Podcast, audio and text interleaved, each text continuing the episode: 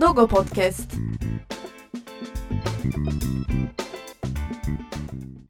Dogo Podcast'ın yeni bölümüne hoş geldiniz. Ben Zehra Üner. Bugün yanımızda avukat Serdar Uluç Bey var. Ee, Serdar Bey, önce sizden kendinizi tanıtmanızı rica edeceğim. Ben Serdar Uluç, e, avukatım. Aynı zamanda da Hayvanları Çaresizlik ve İlgisizlikten Koruma Derneği, Hachiko'nun yönetim kurulundayım. Hem de aktif olarak hukuk başvurularıyla ilgileniyorum. Çok teşekkür ediyorum zaman ayırdığınız için. Hazırsanız iki sorumla e, başlamak istiyorum ben. Tabii buyurun. E, aslında tüm yayınımız şu anki hayvan yasasını sizden öğrenmekle geçecek ama ben yine de ilk sorumda hayvan yasasının kısa bir özetini sizden rica ediyorum. Tamam, kısaltmaya çalışayım. Ee, aslında şu, şunu söyleyebilirim. Şu andaki kanun 5199 sayılı hayvanları koruma kanunudur. Ee, aslında kanun da kısa bir kanun. Yani e, yaklaşık 20 maddeden oluşan bir kanun. Ee, ben ama kabaca şöyle bir özetlemeye çalışayım. Kanunun birinci maddesinde kanunun amacı yazılmıştır. Ee, buna göre yegane amaç hayvanların refahının arttırılması e, ve bunun için uygulanacak yolların düzenlenmesidir. Kanunun ülkemizdeki e, hayvanların korunmasına yönelik ilk kanun olması açısından önemli olduğunu düşünüyorum. Kanuna genel olarak bakarsak da kanun sahipli ve sahipsiz hayvan ayrımına gitmiştir. Sahipsiz hayvanların da diğer hayvanlar gibi bakılmasını şart koşmuştur. Sahipsiz hayvanların yuvalarının onların yaşadığı yerler yani sokaklar, mahalleler olduğunun altını çizmiştir. Bu bağlamda sahipsiz hayvanların güvenle sokaklarda yaşaması amaçlanmıştır. Güçten düşmüş bakıma muhtaç sokak hayvanlarının ise belediyelerce bakımının yapılmasını şart koşmuştur. Gücünü topladığında ise alındığı yere geri bırakılmasını yani yuvası olan sokağa geri getirilmesini zorunlu kılmıştır. Bu bağlamda sıkça rastlanan sahipsiz hayvanların e, uzaklaştırılması, götürülüp başka yerlere bırakılmasının da önüne geçilmek istenmiştir. Kanun içerisinde hayvanlara yönelik yasaklı eylemler sayılmıştır. Bunları kısaca özetlersek hayvanın öldürülmesi, gereksiz ve yetkisiz cerrahi müdahalelerde bulunulması, hayvana kötü davranılması, kötü davranılmasından kasıt ise e, aç susuz bırakma, psikolojik veya şid, e, fiziksel şiddete maruz bırakılma, aşırı soğuk e, yahut sıcakta barındırma gibi kötü davranmalarda yasaklı hallerden sayılmıştır. Yine bu yasaklı hallerin ihlal edilmesi halinde ise e, yaptırımlar düzenlenmiştir. Yaptırımlar ise para cezalarından ibarettir. E, para cezası dışında e, hürriyeti bağlayıcı ceza ise e, sahipli hayvana yönelik eylemlerde görülebilmektedir. Ancak e, burada temel dayanağımız artık 5199 sayılı hayvanları koruma kanunu değil, Türk Ceza Kanunu'dur. Türk Ceza Kanunu'nda e, sahipli hayvan eşya statüsünde kabul edildiğinden e, kişinin malına zarar verme suçu kapsamında hürriyeti bağlayıcı ceza öngörülmektedir. Ancak hayvana sahibinin bizzat kendisi tarafından yasaklı müdahalede bulunulması ise yine 5199 sayılı kanun çerçevesinde ancak değerlendirilebilmektedir.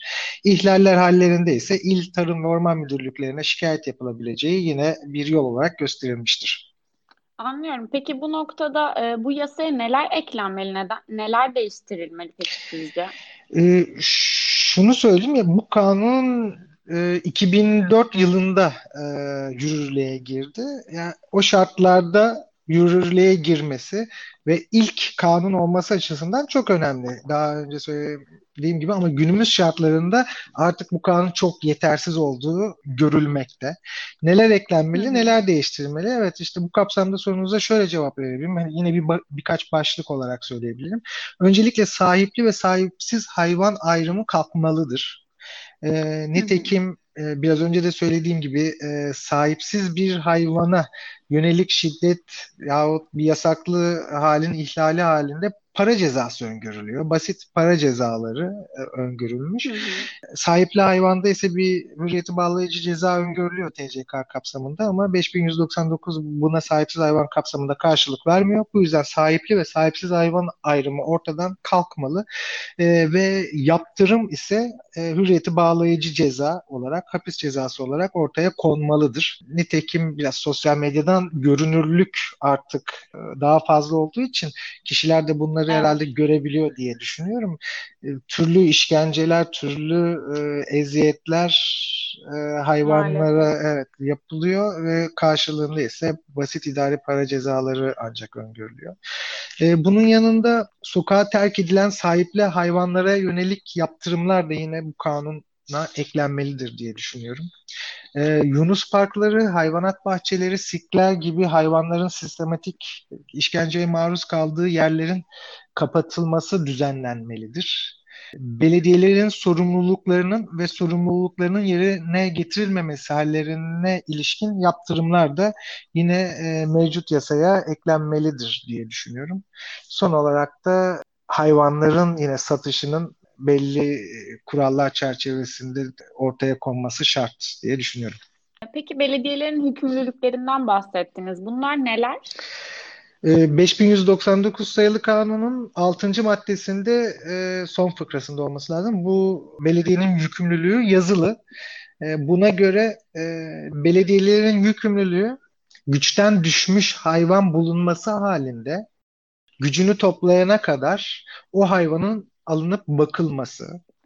Ee, yine diğer hayvanların güçten düşmüş olmasına bakılmaksızın aşı ve kısırlaştırılmalarının gerçekleşmesi belediyenin yükümlülükleri dahilindedir. Ee, altını çizmek istediğim e, bu kapsamda yükümlülüklerinden biri de şudur. Güçten düşmüş hayvanı ya da aşı ve kısırlaştırma için alınan hayvanı e, barınağa götürüp ya da veterinerlik hizmetini sağladıktan sonra e, belediyenin tekrar bu hayvanı aldığı yere yani sokağa bırakması da onun yükümlülüğü dahilindedir. Anladım. Ee, yani sokaktan hayvanları toplamak belediyenin yükümlülüğü altında değil mi sadece? Şu, altını önemli çizmek istiyorum. E, hayvanları sokaktan toplamak değil, güçten düşmüş hayvanların gücünü tekrar toplayana kadar e, barınakta bakılması e, belediyenin sorumluluğunda. Yine e, sokaktaki hayvanın aşı ve kısırlaştırmalarının yapılması belediyenin sorumluluğunda. Bunları yaptıktan sonra belediyelerin bir sonraki sorumluluğu ise bu hayvanları aldıkları yere yani yuvalarına bırakmaları. Hı hı. Sokaklar bu sahipsiz hayvanların e, yuvalarıdır. Onların e, evleridir. Hı hı. Oraya tekrar bırakmaları esastır. Bunun altını şundan dolayı çizmek istiyorum. Belediyeler yahut da kişiler bazen bu hayvanın toplanmasını istiyorlar. Böyle bir yükümlülüğü evet, belediyelerin yok, sorumluluğu da yok. O hayvanların yeri sokaklardır. Ee, bunun da bir yaptırım vardır. Ben görevi ihmal suçu olduğunu düşünüyorum. Eğer bir belediye tarafından bir hayvan alınıp yerine bırakılmıyorsa görevi ihmal kapsamında değerlendirileceğini düşünüyorum. Çok teşekkür ediyorum. Diğer bir soruma gelmek istiyorum. Pet shoplarda hayvan satılması hakkında yasa şu an hangi evrede ya da böyle bir şey konuşuluyor mu? Şimdi biz 5199 sayılı kanunun değişmesi çerçevesinde e, çalışmalar yürütülüyor. Hı hı. 2014 yılından e, itibaren başlayan yoğun bir çalışma var ama her nedense bir türlü sonuçlanamadı. Bu kanun kapsamında pet shopların düzenlenmesini de getirilmesini e, biz öngörüyoruz. Ama şu anda hani hangi nasıl bir yasallık var dersek şu e, ev ve süs hayvanlarının e, üretim, satış, barınma ve eğitim yerleri hakkında yönetmelik var. Bu yönetmelik kapsamında pet shoplardan hayvan satımı gerçekleşmeye devam etmekte. Bu yönetmeliğin de değişmesi gerektiğini düşünüyoruz. Ancak e, ne yazık ki yani iyileştirme söz konusu değil. Tam tersine Şubat ayında yine bu pet shopları çoğaltacak şekilde yönetmelikte bir iki değişiklik de yapıldı. E, bizim kanunda değişiklik yapılmasını istediğimiz hallerden biri de e, bu husus. E, öncelikle biz pet shopların e, yasaklanmasını e, ve sahiplenmenin teşvik edilmesini istiyoruz. E, ancak e, ancak satış yapılacak ise de hayvanların üretiminin psikolojik ve fiziksel şartların iyileştirilmiş çiftliklerde yapılması gerektiğini e, düşünüyoruz. Yine satışında bu çiftlikler vasıtasıyla gerçekleşmesini düşünüyoruz. Aksi halde küçük metrekareler içerisinde hayvanların teşhire ve işkenceye devam edilmesi söz konusu olacak. E, birkaç gün önce de ne yazık ki benzer bir vakayla karşılaştık. Sosyal medyadan oldukça e, görüntüleri paylaşıldı. Evet evet yani merdiven altı üretimler ne yazık ki fazlasıyla yaygın e, insan ticaretiyle karşılaştırdığımızda bu kölelik işleriyle karşılaştırdığımızda gördüğümüz bir tezahürü diyeyim. Merdiven altında ses telleri alınmış birçok yavru köpeğin e, üretildiği, e, havlamasın diye e, çiftleştirilen köpeklerin ses tellerinin alındığı bir şeyler, görüntülerle karşılaştık. Bunların son bulması için bu pet yasaklanması, hatta uygun bir düzenlenme getirilmesi şart diye düşünüyoruz. Ben de tüm kalbimle size katılıyorum. Ee, son olarak bir de yasaklı cinsler hakkında konuşmak istiyorum. Yasaklı yasaklı cinsler hakkında ne gibi yaptırımlar var? Yasaklı cinsler e, yine 5199 sayılı kanunda düzenlenmiş, yazılmış, e, 14. maddesinde yer verilmiş. E, buna göre hı hı. M, yasaklı ırkların sahiplendirilmesi, üretilmesi, satışı, reklamının yapılması, takas edilmesi, sergilenmesi, hediye edilmesi e, yasaklı eylemler kapsamındadır. E, yaptırım olarak yine bir para cezası öngörülüyor. E, ancak uygulamada hayvana da el konulmaktadır. Ben burada her hayvan için mevcut kanun kapsamında konuşuyorum. Her hayvan için salgın saldırganlık halinin incelenmesi gerektiğini düşünüyorum. Yoksa doğrudan bir e, yasaklı ırk denilip el konulmasını e, uygun görmüyorum ben. E, genel olarak da hani, tehlikeli hayvan yok ama tehlikeleştirilmiş sahipleri tarafından hayvanlar olduğunu düşünüyorum. Evet, evet maalesef ki öyle. Çok teşekkür ediyoruz Serdar Bey. Eklemek Rica istediğiniz ederim. bir şey var mı? Ee, şunu ekleyebilirim. Biz 5199 sayılı kanunun değişmesini e, hararetle bekliyoruz. Bunun için çalışmalar yürütüyoruz. Eğer dinleyen arkadaşlarımız ve siz de lütfen e, yasa hala neyi bekliyor diye İl Tarım Orman Bakanı'na, Cumhurbaşkanı'na e, yazı yazarsanız en azından sosyal medyadan müteşekkir kalırım. Tabii ki, tabii ki. Tekrar tekrar Ben teşekkür teşekkür ediyoruz. ediyorum. Podcast'ımı sonlandırıyorum. Katıldığınız için teşekkür ediyorum.